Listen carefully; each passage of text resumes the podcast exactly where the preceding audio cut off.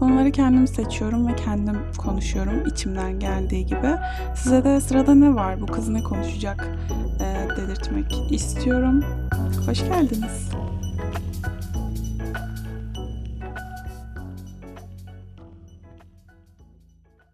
Sezon 1 bölüm 3'tesiniz. Umarım iyisinizdir. Ben iyiyim. İlk bölüm hakkında arkadaşlarımdan geri dönüşler aldım. Eee, 2. bölümü aslında bu geri dönüşler almadan biraz önce çekmiştim. O yüzden onda da çok dikkat etmedim ama, eee, bu bölümde oradaki feedback'lerden de böyle yararlanarak, eee, bir bölüm çıkarmaya çalışıyorum. Çok fazla ığlıyorum ve çok fazla falan diyorum bu arada. Bunları kendim de fark ettim. Birkaç arkadaşım da söyledi. Eee, bunun dışında bir de çok fazla daldan dala atlıyor gibi olmuş sanırım böyle birkaç bölümüm. 2. bölümde hatta ondan da biraz dikkat ettim ama şimdi bu 3. bölümde birazcık gene daldan dala atlayacağım. Yani çok üzgünüm ama biraz öyle olacak. Bu bölümü mesleklerle açmak istiyorum. Öğretmenlik, mavi yakalar ve çevirmenlik hakkında birazcık konuşmak istiyorum. Eee, birkaçı hakkında da böyle bayağı şeyim, nasıl denir, hassasım diyebiliriz. Eee, öğretmenlik ve mavi yakalar hakkında çok hassasım. İlk öğretmen bölümünü bu arada bayağı çektim ben. Çekip çekip siliyorum habire. Umarım bu son olacak. Çünkü çok fazla konuşuyorum. Çok dolmuşum. Bunu fark ettim. Yani neresini tutsam elimde kalıyor öyle söyleyeyim. Çok da böyle canımı aslında sıkan bir, eee, meslek. Şey anlamında yani. İşte atanamıyorlar, atansalar bir dert, atanmasalar bir dert falan ya. Eee, üzülüyorum gerçekten. Çok canımı sıkan bir durum. Çünkü kendisini asanlar, intihar edenler, eee, mesle yani mesleğini icra edemediği için üzülen bir sürü insanı gördükçe böyle çok kötü oluyorum ve bunları konuşmak istiyorum. Daha fazla konuşmak istiyorum ve unutmak istemiyorum hiçbirini. Hiçbirini unutmayacağız. Dolayısıyla öğretmenleri böyle bir güzelce anmak istiyorum ve böyle birkaç öğretmen tipinden de bahsetmek istiyorum. Bu meşhur benim insan tipleri tarzında öğretmen tiplerim var. Onlardan da bahsedeceğim. Şimdi öğretmenler genellikle, eee, zorlu bir süreçten geçiyor. Özellikle günümüzde. Eee, geçmişte böyle yaklaşık kaç yaşında desem 60 yaşlarında falan bir öğretmeniniz varsa onlar bir tık daha kolay öğretmen olmuş insanlar. Şimdi kimse kimsenin şeyini, emm, hani, şey yapmasın da yani kolay olmuşsunuz. Şimdiki öğretmen olmaya çalışan insanlarla aralarında dağlar kadar fark var. Ben yani biliyorum, hani, çevremde var böyle 60-70 yaşındaki öğretmenler. Kolayca öğretmen olmuşlar. Orada ya geliyorlar, okuyorlar kitaptan, gidiyorlar. Zaten yaşlanmış, öğretmenlik yapacak gücü hâli kalmamış. Titreye titreye geliyor böyle. Anlatamıyor da, yapamıyor da bir şeyler, gidiyor sonra falan. Eee, en gıcık olduğum öğretmen tipi bu yani. Verimsiz öğretmenler. Gerçekten verimsizler bu arada. Eee, genç olup verimsiz olan öğretmenleri de biliyorum, görüyorum. Eee, çok bir şey katmıyorlar sana. Sadece geliyorlar işte senin kitaptan da aslayıp aslında okuyup öğrenebileceğin şeyleri yapıyorlar ve gidiyorlar. Eee, onun dışında başka bir öğretmen tipi var. Gerçekten böyle kendini adayan öğretmen tipi. Hani, yani, böyle kanıyla, canıyla savaş veriyor sana bir şeyler öğretebilmek için orada. Sana başka bir bakış açısı kazandırabilmek için. Sadece aslında öğretmenlik zaten bu değildir. Hani, bir şeyler öğretmek değil. Orada sana farklı bir perspektif veriyor. Dünyaya daha farklı bakabilmek, senin ufkunu açabilmek, sana yeni şeyler katabilmek, görüşlerinin aslında bir zıttının da nasıl olabileceğini görebilmek. Böyle farklı farklı, böyle duygudan duyguya aslında sürüklemeli mesela. Bence bir öğretmeni ağzınızın açık dinlemesi gerekiyor ve ne yazık ki bizim ülkemizde çok fazla mümkün olmuyor bu. Bir diğer öğretmen tipi ise aman canımcılar böyle hani hani öğrensin işte canım öğrencidir. Öğrencinin gayreti de önemlidir yani her şey öğretmende de bitmiyorcu öğretmenler. En nefret ettiğim, en sinir olduğum öğretmen tipi. Yani iyi o zaman hani kimse de zaten okula da gelmesin yani canım öğrenmek isteyen gelir, öğrenmek istemeyen gelmez yani. Böyle bir bakış açısı olur mu hiç? Eee, sevmiyorum bu tarz öğretmenleri çok. Genellikle 2. tipi daha çok seviyorum. Böyle tamam, hani, kendisini de feda etmesin bana ama, eee, bir tık böyle benim bakış açımı genişletsin. Sadece, hani, o dersten, eee, ziyade bana insanlık öğretsin mesela, ahlak öğretsin. Eee, bu tarz şeyleri daha çok seviyorum. Ahlaktan kastım da şey değil yani, aman kızım evladım işte öpüşmeyin şu sokak başında falandan ziyade, emm, birazcık daha, hani, böyle iş ahlakını öğretmek mesela, eee, birbirine hitap ederken nasıl olunması gerekeceğini öğretmek gibi ahlaklardan bahsediyorum. Ya, bence öğretmenlik böyle olmalı. Çok fazla konuşmayacağım çünkü bir daldım mı yani bu konu öyle bir gidiyor ki 17 dakika konuşmuşum bir önceki bölümde. Aman aman. Bitiriyorum artık öğretmenliği burada. Mavi yakalara geçelim. Ben de kendim bir ay çalışmış biri olarak birazcık bahsedebilirim sanki bu mavi yakalık müessesesinden. Hizmet sektöründe çalıştım. Çok zor bir aydı gerçekten. İlk 2-3 gün ağladım falan. Bir de ben nasıl prensesim evde falan diyormuşum. Hayatımda görmediğim muameleleri bir ay içerisinde hayatımda görebileceğim kadar gördüm. Öyle söyleyeyim. Çok kötüydü. Allah bir daha yaşatmasın. Birazcık görmek ve deneyimlemek istedim ve kurumsal olmayan bir yerde çalıştım bu arada. Bunun altını çizeyim. Eee, kurumsallıkta bu tarz şeyler çok fazla olmuyor çünkü. Eee, kurumsal olmayan bir yerde çalışmak aslında kurumsal olmayan bir yerde çalışan mavi yakalardan bahsedelim. Hatta birazcık daha böyle açayım konunun başlığını. Öncelikle istediği kadar sizi çalıştırabiliyor. Çünkü siz orada kölesiniz yani hani sizin işiniz orada kölelik. Hani çalışmak ayrı bir şey çünkü kölelik ayrı bir şey. Bunlarınki kölelik. Bu bir. İkincisi azar yiyorsunuz. Kurumsallıktan o kadar uzak ki. Aa, bunu niye böyle yaptın? Bunu neden şöyle dedin? Gibi gibi. Eee, mesela o sana istediğini söyleyebiliyor ama sen istediğini söyleyemiyorsun. Söylediğinde eee, ses kes diye bir böyle bir abilik, bir dayılıkla karşılaşıyorsunuz falan. Eee, sessiz çıkanları da çok sevmiyorlar bu arada. Bir de o var. Eee, mesela kendisi geç geliyor eee, ama ay, müdürden bahsediyorum bu arada. Eee, siz geç geldiğinizde bu senin babanın dükkanı değil, burada geç gelemezsin diyor adam sana. Neden? Çünkü onun babasının dükkanı. Hayır onun da değil ama o geç gelebilir. Çünkü o müdür. Sen müdür değilsin. Sen orada çalışan bir kölesin. Sen o geç gelemezsin ama o geç gelebilir. Gıcık oluyordum yani müdüre.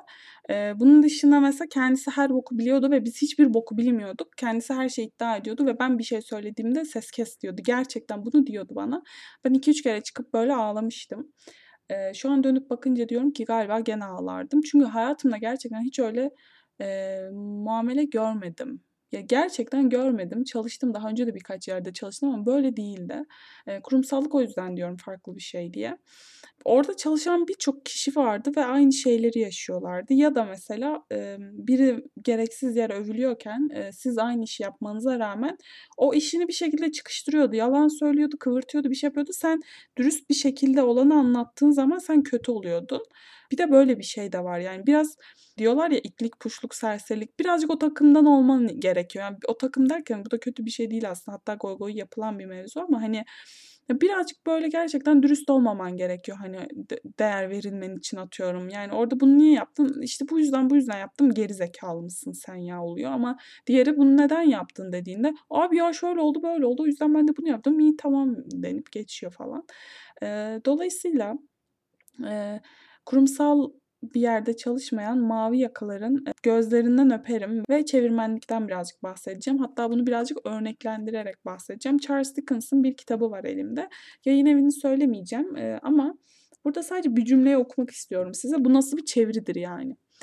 Ölüm kayıtlarında papazın, cenaze levazımatçısının ve ardından yas tutanların en önde geleninin imzası vardı. Bilmiyorum. Ve mesela şöyle bir cümle de var. Yaşlı Marley kapı çivisi kadar ölüydü.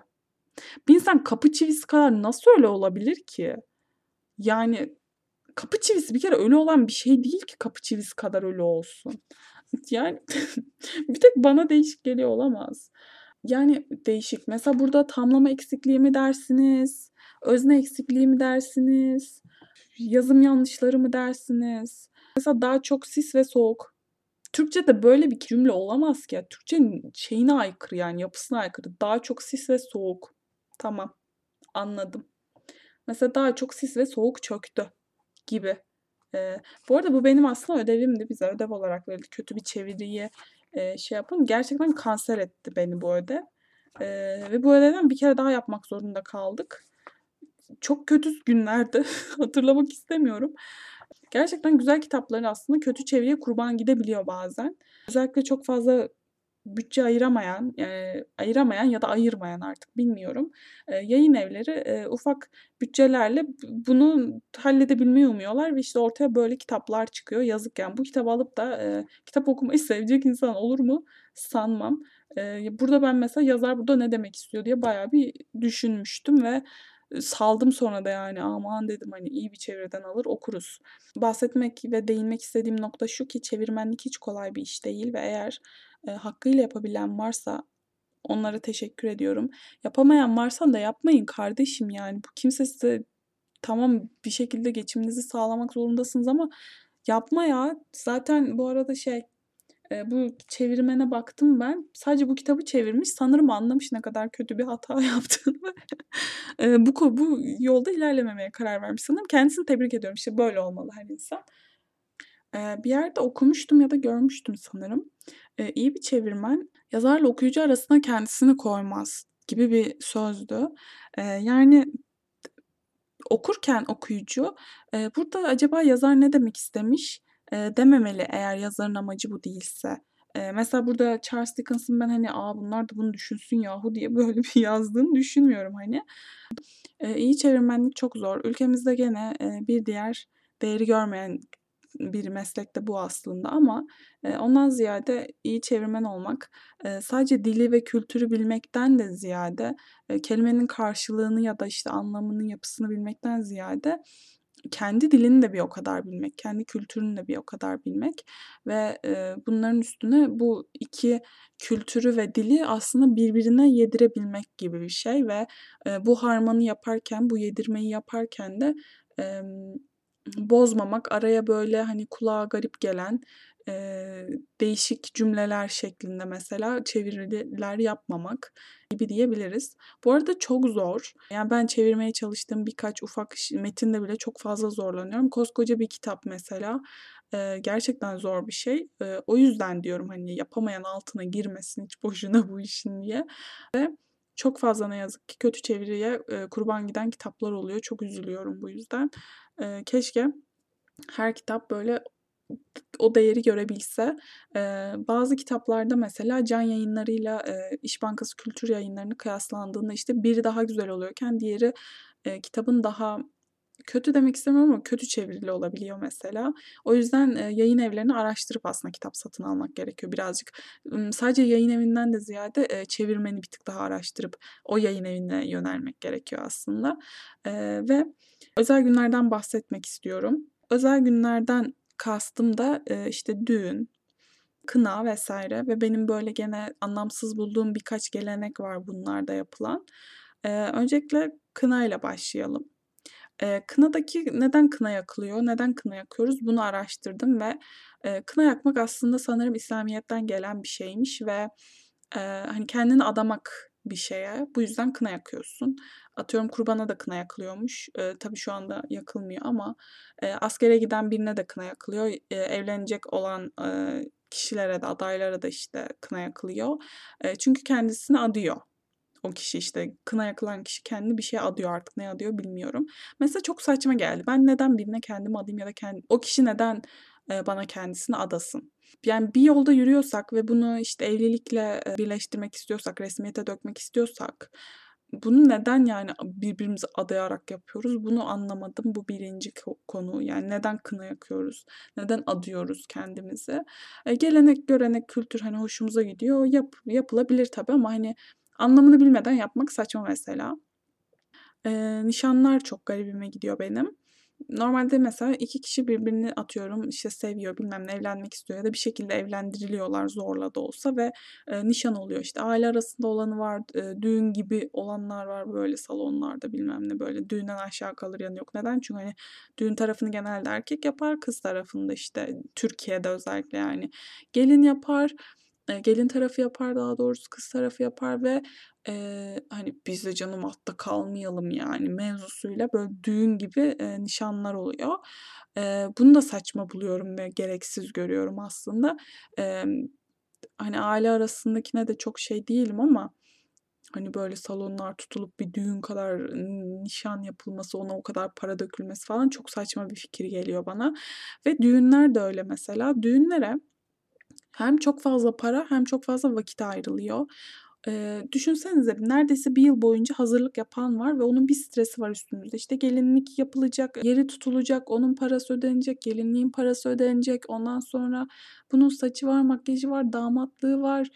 Ya, şey yapanı var, çeyizi, bohçası, bilmem nesi, yani bir sürü şey var ama bunlara girmiyorum. Sadece düğününe kısıtlıyorum. Bu kadar şeyi, böyle, eee, tıkış tıkış yapıp, hani, kendini çok fazla strese sokan var. 1 yıla yayıp, hani, onda da bile böyle eee, yaklaştıkça o strese giren insanlar var.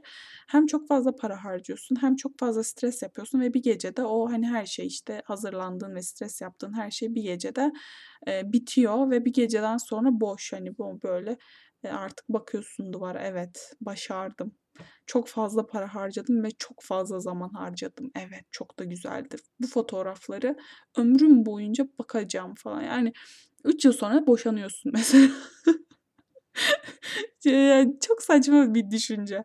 Bu kadar fazla para ve emek harcamak. Buna da karşıyım. Gez abi yani. Ye, iç, eğlen. Eee, sittin sene onun borcunu ödüyorsun falan sonra ya da aileler ödüyor mesela. Yazık değil mi ailelere ya? Onlar da gezsin, yaşasın, yesin, içsin. Neden onlara paralarınızı ödetiyorsunuz? Çok saçma, kıyamam.